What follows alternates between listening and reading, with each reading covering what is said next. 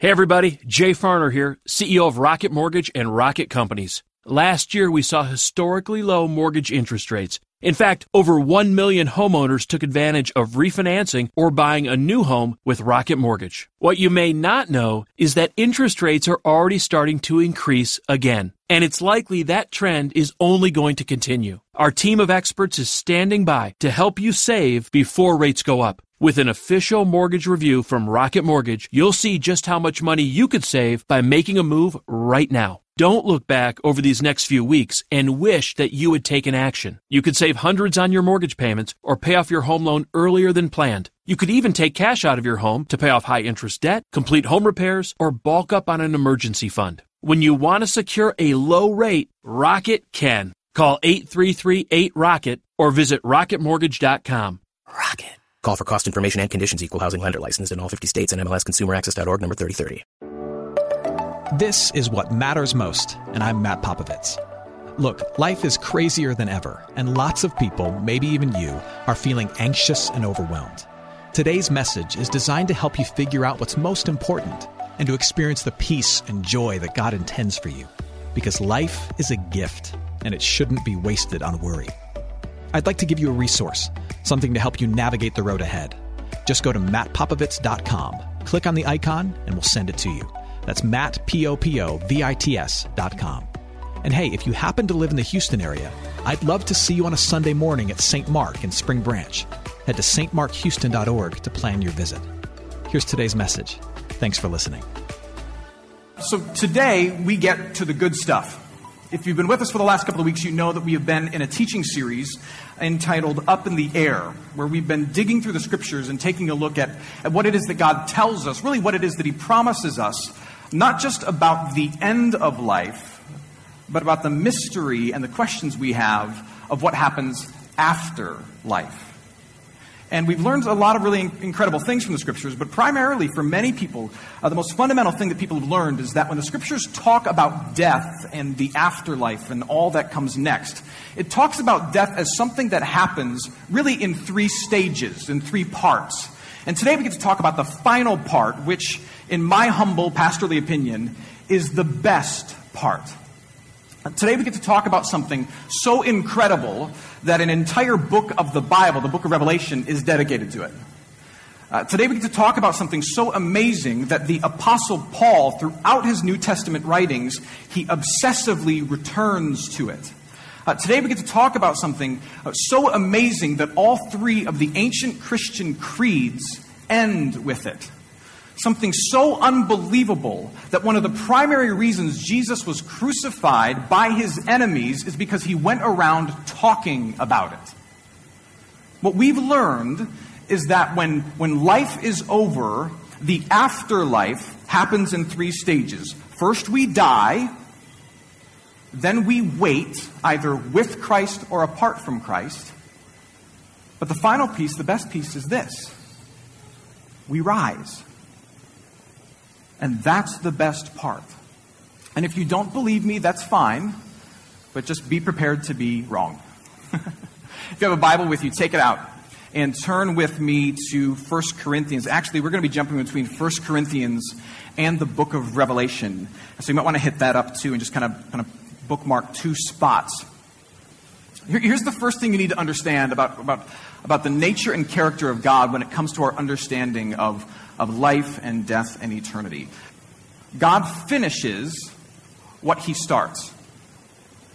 And, and in the very beginning, God's original intention was that we would live in this world, humanity, at the center of this universe that He's created, humanity would live an eternal existence in a physical body. Humanity would live an eternal existence, no death, in a physical body. We would enjoy an unending life in this world amidst a creation that satisfied us and with a God who walked with us and who was close to us. Now, if you've been a part of Christianity for any length of time and you kind of know the narrative that we believe, you know that in the very beginning, what we believe is that mankind rejected that idea and began to press against that narrative that God was writing, that storyline. And since then, all of humanity has, has inherited this rebellious attitude against God. And the end result is that we now live in a world where there is death to the body, where there is chaos in creation, and where there is space between us and our Creator, where there shouldn't be chaos, there shouldn't be death, and there shouldn't be space between us and our Creator. Now, what we believe is that Jesus Christ has fixed this. By entering into our world and dying on the cross, he, he has forgiven our rebellion through his sacrificial death. But then he's also made it possible for us to be members of the Father's family again, the one we're estranged from, we are reconnected to through faith in Jesus and baptism into his kingdom. And many people look at those two things the fact that there's forgiveness found in the cross and that we're members of God's family again, and they say, well, that's it. All the problems caused by rebellion, caused by sinfulness, all those problems are fixed. But that's not true. If the story stops there, then the project is unfinished. If the story stops there, then the story that God is telling is no more finished than, than like a kitchen remodel where you've installed brand new floors, you've got new appliances, but you're still using the dirty old cabinets. There's work left to be done, which is what makes the return of Jesus Christ so critical and so important. Because when Jesus comes back, and what we believe is that he came once, he ascended, and now he's coming back. When Jesus comes back, the project is completed. Everything that's still not finished will come to completion. And that's what makes his return the best part of the story. So, so look with me now at uh, 1 Corinthians chapter 15. We'll pick up at verse 20. 1 Corinthians 15, verse 20. Christ has been raised from the dead, the first fruits of those who have fallen asleep. For as by a man came death, by a man has also come the resurrection for the dead. For as in Adam all die, so also in Christ shall all be made alive. This is a promise about the future. But each in his own order. Christ the firstfruits, that's a reference to Easter. So Christ rose first at Easter. Then at his second coming, those who belong to Christ will rise. Then comes the end. The last enemy to be destroyed is death. The key word in these verses is first fruits. Uh, Paul was speaking to an agrarian culture, uh, a farming culture. He was speaking to people who understood the concept of sowing and reaping, of planting a seed and waiting for a harvest. And Paul was speaking to a people who understood that when you've planted a seed and you're waiting for the harvest, that very first piece of fruit that emerges, the first fruit, tells you something, tells you several things. First, it tells you that there will be more fruit. If there's one, there will be more.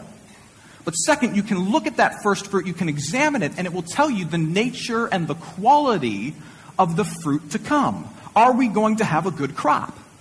And what Paul is saying is Jesus is the first fruits of people who will rise and a world that will be restored. And you can look at Jesus and know, one, because he rose, there will be a larger harvest. We will rise at his return. But secondly, you can look at the nature and quality of Christ in his resurrection and see a little bit of what we will be like in our resurrected eternity.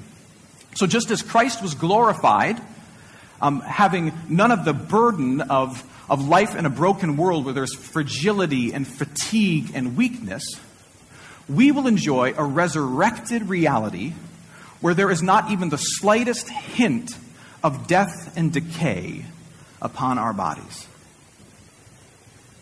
Not the slightest hint of death or decay at work in your body, your mind, anything.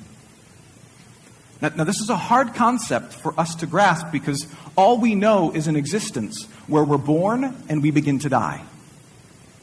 We're born and we begin, even as we mature, to head towards the grave. That's all we know. We are fading. We're fragile. And yet God tells us there will come a day at the return of Christ where all is restored, our bodies are resurrected, remade, and glorified. There's not a hint of death or decay. We will enjoy an existence where, where no, no one ever dies young where, where no child has to put their parent in hospice. We will enjoy life in a body where, where not a single one of your white blood cells is using an ounce of your energy to fight off infection ever. When not a single one of your muscles is keeping you from taking a walk with your grandchildren. That is what life in a resurrected world will be like. And hard for us to grasp. But the next time you see some crazy little six year old running around like a maniac, don't just think to yourself, where is his parents? First, think this when Christ comes back, I will be a little more like that and a lot less like this. But there's more. Uh, when Christ comes back, we will rise as Christ rose. We will, we will enjoy a new physical existence in this eternal world. But, but that's not all. Uh, if you jump with me now to the book of Revelation, we'll see that not only are we physically made new, but the world we live in is made new. God will do more than fix our broken bodies. This is Revelation chapter 21, verses 1 through 5. This is now John writing, and he's describing his vision. He says this. Then I saw a new heaven and a new earth. For the first heaven and the first earth, in other words, what we know now, has passed away, and the sea was no more. And I saw the holy city, New Jerusalem, coming down out of heaven from God, prepared as a bride adorned for her husband. That's a description of the resurrected, restored people of God. And I heard a loud voice from the throne saying, Behold, the dwelling place of God is with man. Right now, God is in heaven and all around us, but we can't see him. He seems kind of distant, yet he comes to us through his word and sacrament. In the resurrected world, he will be close, face to face, in this new reality. The dwelling place of God is with man. He will dwell with them, and they will be his people, and God himself will be with them as their God. He will wipe away every tear from their eyes, and death shall be no more. Neither shall there be mourning, nor crying, nor pain any more, for the former things have passed away. And he who was seated on the throne, that's Christ, said, Behold, I am making all things what? Say that word. All things new.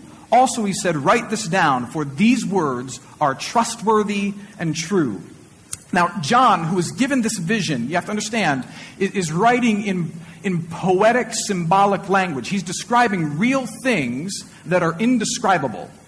And so he's forced to use poetic, slightly symbolic language. But, but even with this, this poetry of sorts, several things are clear about this moment when we arise and the earth is made new.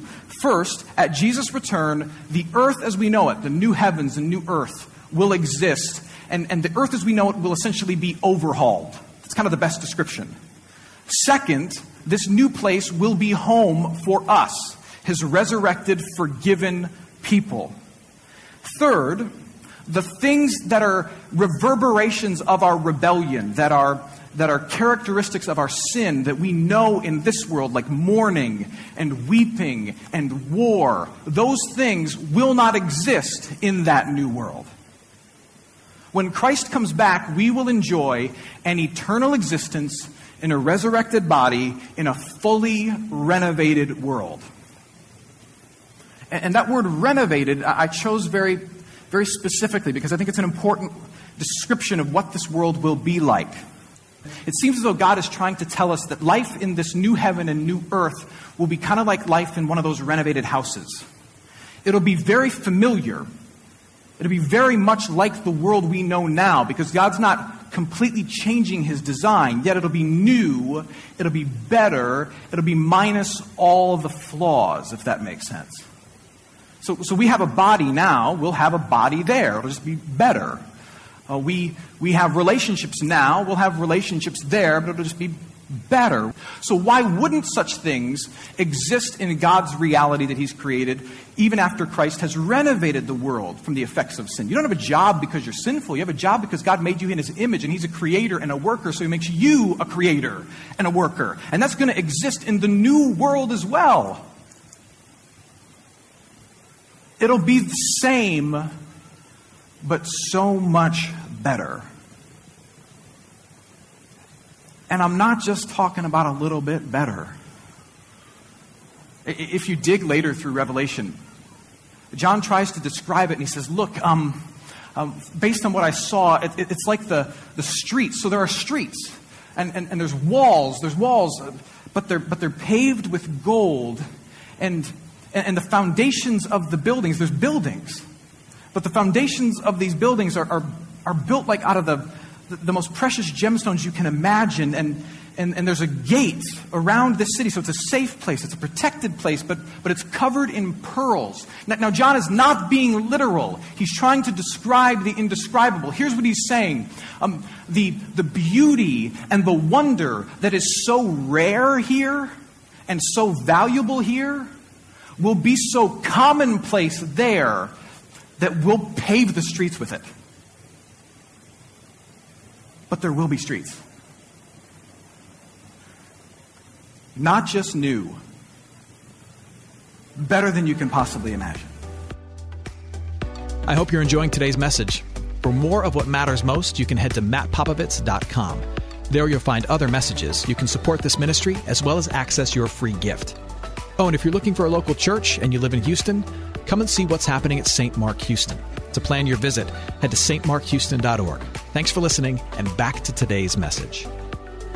If you dig deeper into the book of Revelation, now if you go to verse chapter 19 starting at verse 6, we get a glimpse of the moment when when the resurrected people are presented to Jesus and we are introduced to our new life in this new world, this life that's going to last forever. And listen to this description. Here's John, again, describing this moment. He's getting a vision of the future. So, in this vision of the future, God's people are resurrected, the earth is recreated, and we are being presented to Jesus like a bride is presented to her husband and they enter their, their new home together. He carries her across the threshold, right? That's kind of the same thing as being described here. John says, Then I heard what seemed to be the voice of a great multitude, like the roar of many waters, and like the sound of mighty peals of thunder, crying out. This is the loudest thing you could ever imagine. Hallelujah, for the Lord our God, the Almighty reigns. Let us rejoice and exult and give him the glory, for the marriage of the Lamb has come, and his bride, the resurrected people, has made herself ready. It was granted her to clothe herself with fine linen, bright and pure, for the fine linen is the righteous deeds of the saints. And the angel said to me, Write this Blessed are those who are invited to the marriage supper of the Lamb. In other words, blessed are those who come to the wedding reception that is eternity. And he said to me, These are the true words of God. Now, what's interesting to me is that when, when God, through John, describes our entrance into eternity, he doesn't use church imagery, at least not as we know it. He uses party imagery. In fact, he uses wedding reception imagery. We are the bride covered in, in the goodness of Jesus Christ, presented to Jesus, ready to celebrate our brand new life and our brand new home with him. And, and the point that, that John is trying to make is that this will be a party that you want to attend. It won't be eternally boring, it will be an eternal celebration.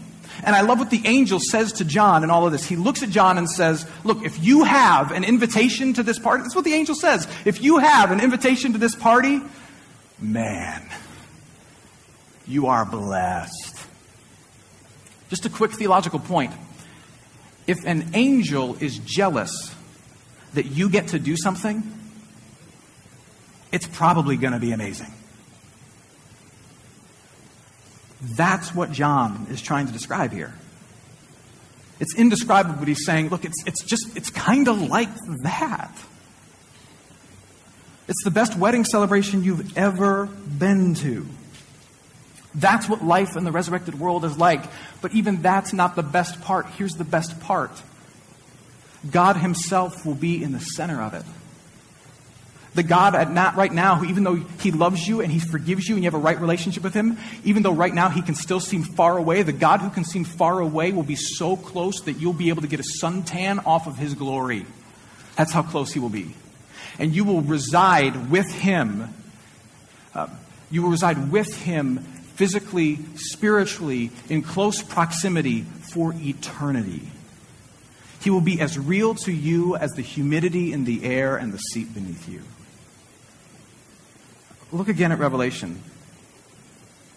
John says this No longer will there be anything that's cursed, but the throne of God and the Lamb will be in it, and his servants, us, will worship him. They will see his face, and his name will be on their foreheads. In other words, we will be completely his.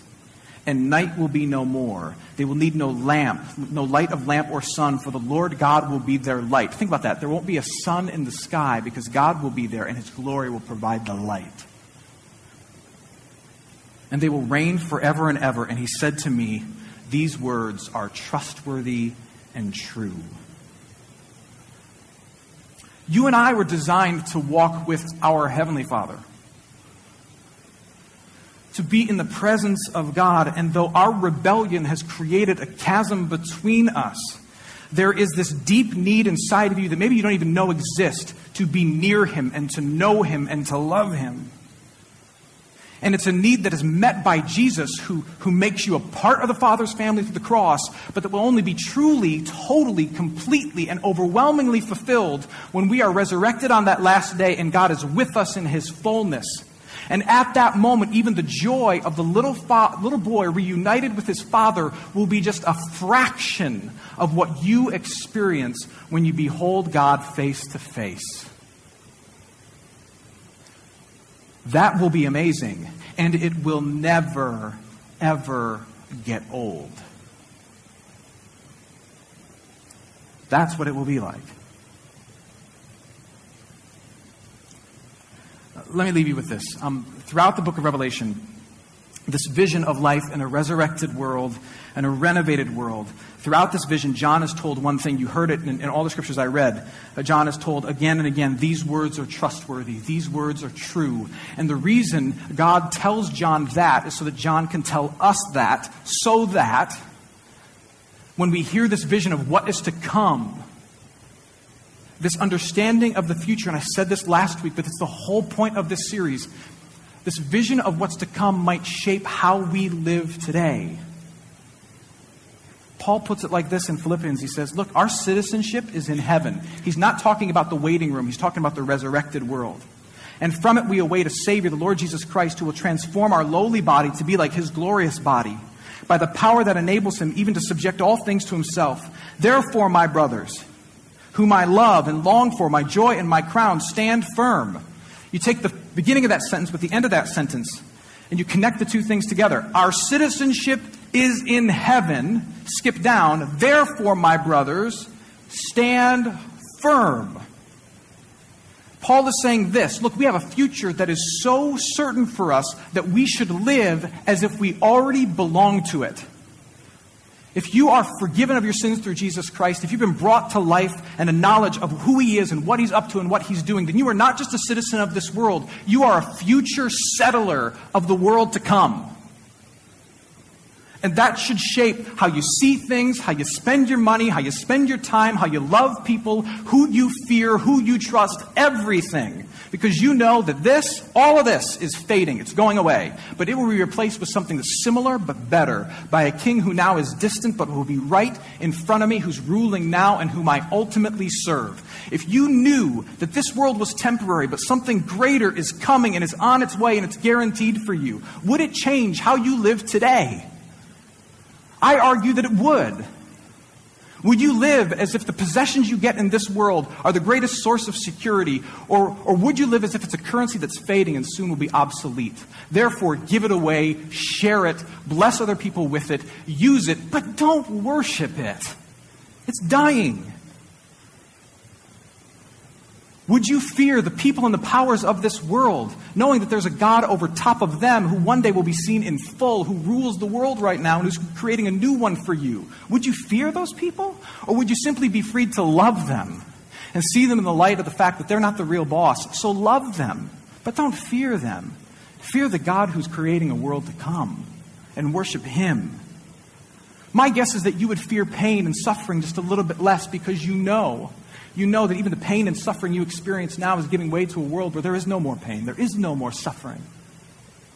My guess is that you would take more risks for things that you know are divine, things that you know are eternal, things that you know matter to the one who's making the world to come. Because you know that even if you die doing the right thing, something better and guaranteed awaits you. How would you live if you knew that everything today is fading away and what is talked about tomorrow is absolutely guaranteed? Because this is fading away. And that is guaranteed. Here's my prayer that all we've learned about dying would shape our living. And that we would live knowing that Christ has guaranteed you something that can't be taken away from you. So live with peace and confidence and hope and a sense of joy today. Hey, it's Matt. I hope you enjoyed what matters most. Here's what I need you to know life is a gift, and it shouldn't be wasted on worry. I want to help you figure out what's most important and to experience the peace and joy that God intends for you. So, for more content, you can head to mattpopovits.com. That's Matt, P O P O V I T S.com. There, you can also support this ministry as well as access your free resource, a little something to help you navigate the road ahead. I'd also love to see you on a Sunday morning. If you're in the Houston area, head to stmarkhouston.org to plan your visit. In the meantime, hit me up on Instagram at mpopovits or at facebook.com slash Matt Popovits Ministries. Thanks for listening. Now go and hold tight to what matters most.